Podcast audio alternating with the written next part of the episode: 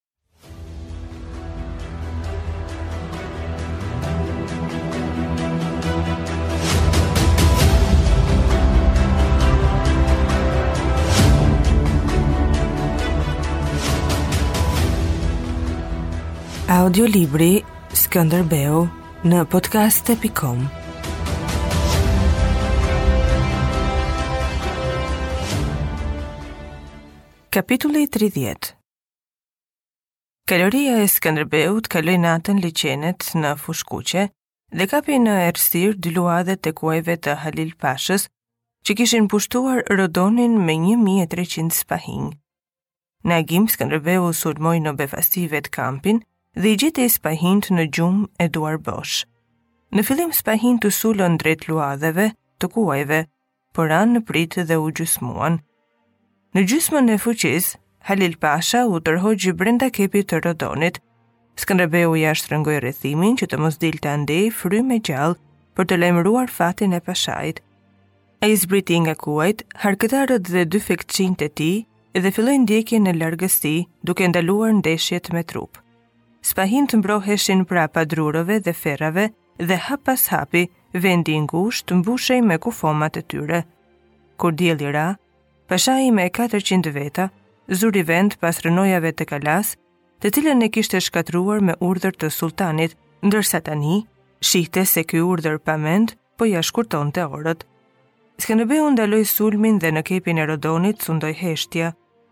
Dukej sikur ai nuk donte të luftonte në rrënojat e kalasë së tij të ndërtuar dy herë, kjo i ngjalli njëfarë shprese Halil Pashës dhe ai përmirësoi pozicionet e mbrojtjes. Pak më vonë, u dukën në det dy anije lufte veneciane, që u afruan dhe shprazën topat mbi muret e rrënuara. Një oficer turk u ngjit në kullën veriore me një leckë të bardhë në majën e shpatës. Hej, ju që më dëgjoni, Dorëzohemi po të na lihen armët dhe të na jepet kalimi i lirë me betim, thirri ai. Pasoi një heshtje. Oficeri u ngjit drejt mbi mur, me krahun lart dhe priti. Aty më parë, Skënderbeu donte të kapte Halil Pashan të gjallë. Po kur pa rrënojat e kalasë nën diell, ndërroi mendje. Skënderbeu rrinte prapa një lisi dhe eci ngadalë me këmbë dhe doli në diell, në vend të hapur, prej nga mund ta shihte e ta dëgjonte oficeri. Stresi dhe Anamali e ndoqën prapa, por Skënderbeu u tha të rrinin në vend. Ai qëndroi atje, ku kishte pasur çadrën në vitin 1457, pa hirin e një zjarri dhe kocka bagëtish të flakura dhe nga kjo gjë e vogël i hipi gjaku ngadalë. Pastaj vuri shpatën përpara dhe u mbështet në të me të dyja duart si një plak katundi që sheh se janë bërë disa dëme të cilat duhen çmuar. Oficeri u anua përpara që të shihte edhe të dëgjonte dhe i tha diçka njeriut që udhëzonte nga poshtë. Nuk pranohet, s'ka nder ushtarak për ata që presin pleqtë në thela, tha Skënderbeu. Të dyja anët u afruan dhe më tepër. Skënderbeu u kishte premtuar kapitenëve plaçkë lufte. Pylli prapa lëvizi. Ushtarët e Skënderbeut ecnin të heshtur. Ai bëri disa hapa më tej, në shesh të hapur dhe ndenji i vetmuar, me trupin e madh pak të kërrusur. Hej, ju që më dëgjoni, thirri me zërin e qetë dhe të rëndë, mbi kullë doli përsëri oficeri me gjysmën e trupit. S'ka robër, s'ka dorëzim, bëhuni gati të jepni kockat, tha Skanderbeu. Turqishtja e tij ishte bindëse, nuk linte shteg dyshimi. Do të paguani një pjesë të gjakut, tha prap. Ata që rrinin mbrapa u hutuan. Ai nuk ishte dalë kurrë të fliste me turqit dhe nuk kuptohej për çfarë donte t'i bindte ata. Kojko Stresi mbeti gojëhapur kur pa fytyrën e qetë të dajës. Pastaj pa se si i vërshoi gjaku nën lëkurë, ndërsa me sytë e ngulitur kërkonte diçka prapa rrënojave. Donte të shihte gjendjen e armikut me kokën nën sopatë, t'i dëgjonte pëshpëritjet e fundit dhe dridhjen e zemrës. Skënderbeu kaloi dorën mbi sy si për të larguar një pamje të keqe. U kthye nga Kojkoja dhe i tha: Tani o bir shko përpara dhe mos mbaj rob të gjallë. Dëgjon, të varrosen atje, nën gur.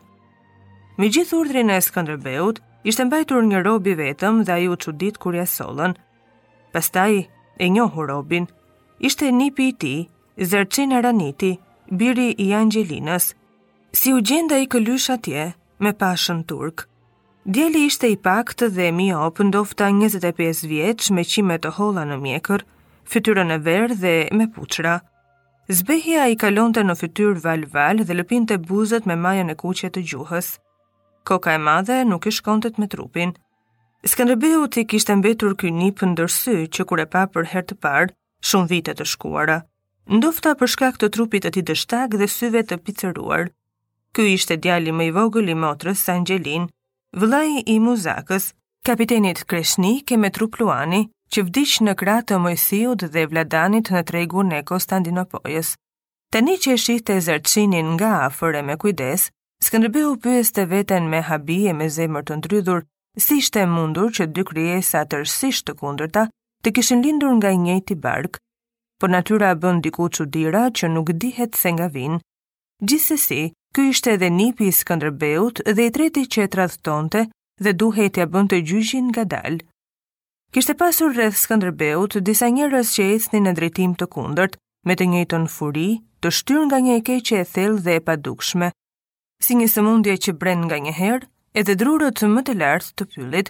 Por si mund të shpjegohej rasti i dështakut që kishte aty përpara? Ky s'mund të kërkonte nga jeta të dilte zot më vete, se nuk kishte atë dhunti.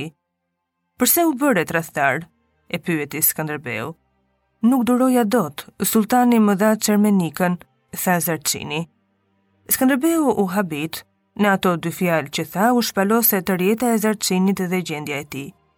Ky dështak ishte rritur duke mbledhur vrerin si një krimb i dheut e duke ecur nëpër pluhur në pritje të ditës kur do të hakmerrej mbi të gjithë për tërë vitet e vrerosura dhe kur mbeti i vetëm, kur besoi se erdhi dita, nuk nguroi të pështynte mbi çdo gjë, mbi varrin e të vëllait të rrjepur në Stamboll, që do ta nderonin përjetë shqiptarët mbi etërit, mbi dajën, mbi tërë popullin e tij.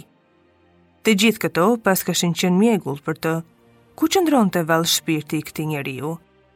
Zarçini u mundua të buzëqeshte, u lëpi me majën e kuqe të gjuhës dhe rrudhi hundën. Buzëqeshja e tij mbetej në ajër si vragë kërmilli, Skënderbeu iu soll nga mbrapa, I vinte ta ndante më dysh që ta shihte një herë nga brenda si ishte tradhtia dhe kapi dorezën e shpatës. Ai pa shpinën e kërrusur, qafën e hollë, kokën e madhe që zgjerohej lart dhe ndërroi mendje. Për të parë kalbësirën, nuk duhet t'ia çash përmes trungun, por të zbulosh rrënjët. Pra e fitove Çermenikën, ndërrove lëkurën dhe e fitove. S'kishe ç'bëje vërtet se gjarpri ngordh po të mos e ndërrojë lëkurën, tha Skënderbeu. Fliste ngadalë, me një qetësi të akullt dhe kishte rrotulluar dorën sipër kokës së Zarçinit, si për të treguar ndërrimin e lëkurës së tij. Ky u ndie i përkëdhelur që u quajt gjarpër dhe uli kokën si për të vënë nën mbrojtje dorën e dajës, kur u kujtua se njeriu nuk e duron gjarprin. Po afrohej rreziku. Gjithnjë kishte jetuar nën përshtypjen se ndokush do ta sulmonte dhe se fundi do t'i vinte papritur. Lëvizjet e tij ishin të ngathëta, por mund të bëheshin papritur të shpejta në mbrojtje të vetes. Zuri të fliste ashtu e kështu, herë duke dënuar veten si tradhtar, e herë duke mohuar gjithçka, pa iu ndarë qëllimit për të shpëtuar jetën, po vuri re se Skënderbeu i kishte ngulur sytë pa e dëgjuar dhe heshti. Skënderbeu po mendonte se dështaku ishte brenda vetes si një kërmë që sa më shumë ta trazosh, aq më tepër ia ndjen erën. Ishte dashur një jetë e tërë që ai të sajohej i tillë. Botës nuk i vinte keq të shpëtonte nga kjo farë njerëzish, Si kishte mundur Anxhelina, zonjë e mirë e krenare, të mëkonte këtë djalë? Bëhu gati të vdesësh, tha Skënderbeu. Ai kishte dëgjuar mjaft, ndërroi vend dhe kapi dorezën e shpatës. Zertini e shikoi andej këndej dhe u përmblodh të zbrapsej, por ishte më keq se i zënë çark. Erdhi papritur fundi që kishte qenë ankthi i tërë jetës së tij. Pylli u trazua. Ai ndjeu t'i përdridhej në bark dhe në gjoks, Diçka që po i shkallmonte trupin dhe iu desh të hapte gojën, të ulërinte, po mjekrën e kishte të mbërthyer. Skënderbeu u tërhoq një hap prapa. Më në fund e kishte parë nga brenda tradhtinë, por prapë s'dinte ta tregonte me gojë. Ai mbajti për një çast krahun, që të shihte edhe një herë frikën prej kafshe të nipit, zbardhjen e tij si karta dhe besoi se ai po vdiste më këmbë. krejt i shpërfytyruar para se të goditej. Fytyra e Skënderbeut me muskuj të ndrydhur mori ngjyrën e hirtë të mjekrës. Bashkë me shpatën, ai nxori një rënkim sikur po i shkulej shpirti. Nipi u zbraps dhe gjëja e fundit që pa ishin sytë e mëdhenj të Skënderbeut që u rrotulluan dhe digjeshin zjarr. Kthehu nga ke ardhur o shpirt qeni, thirri Skënderbeu. Me një goditje pjerrtas, ia këputi kokën që ra për tokë para se të binte trupi. Ishte një nga ato goditjet e vjetra me forcën e tmerrshme dhe saktësinë e krahut të tij. Ai hodhi një hap dhe me të dytin ia kapërceu të nipit trupin, duke i bërë një poshtërim dhe një mohim që shkonte përtej vdekjes.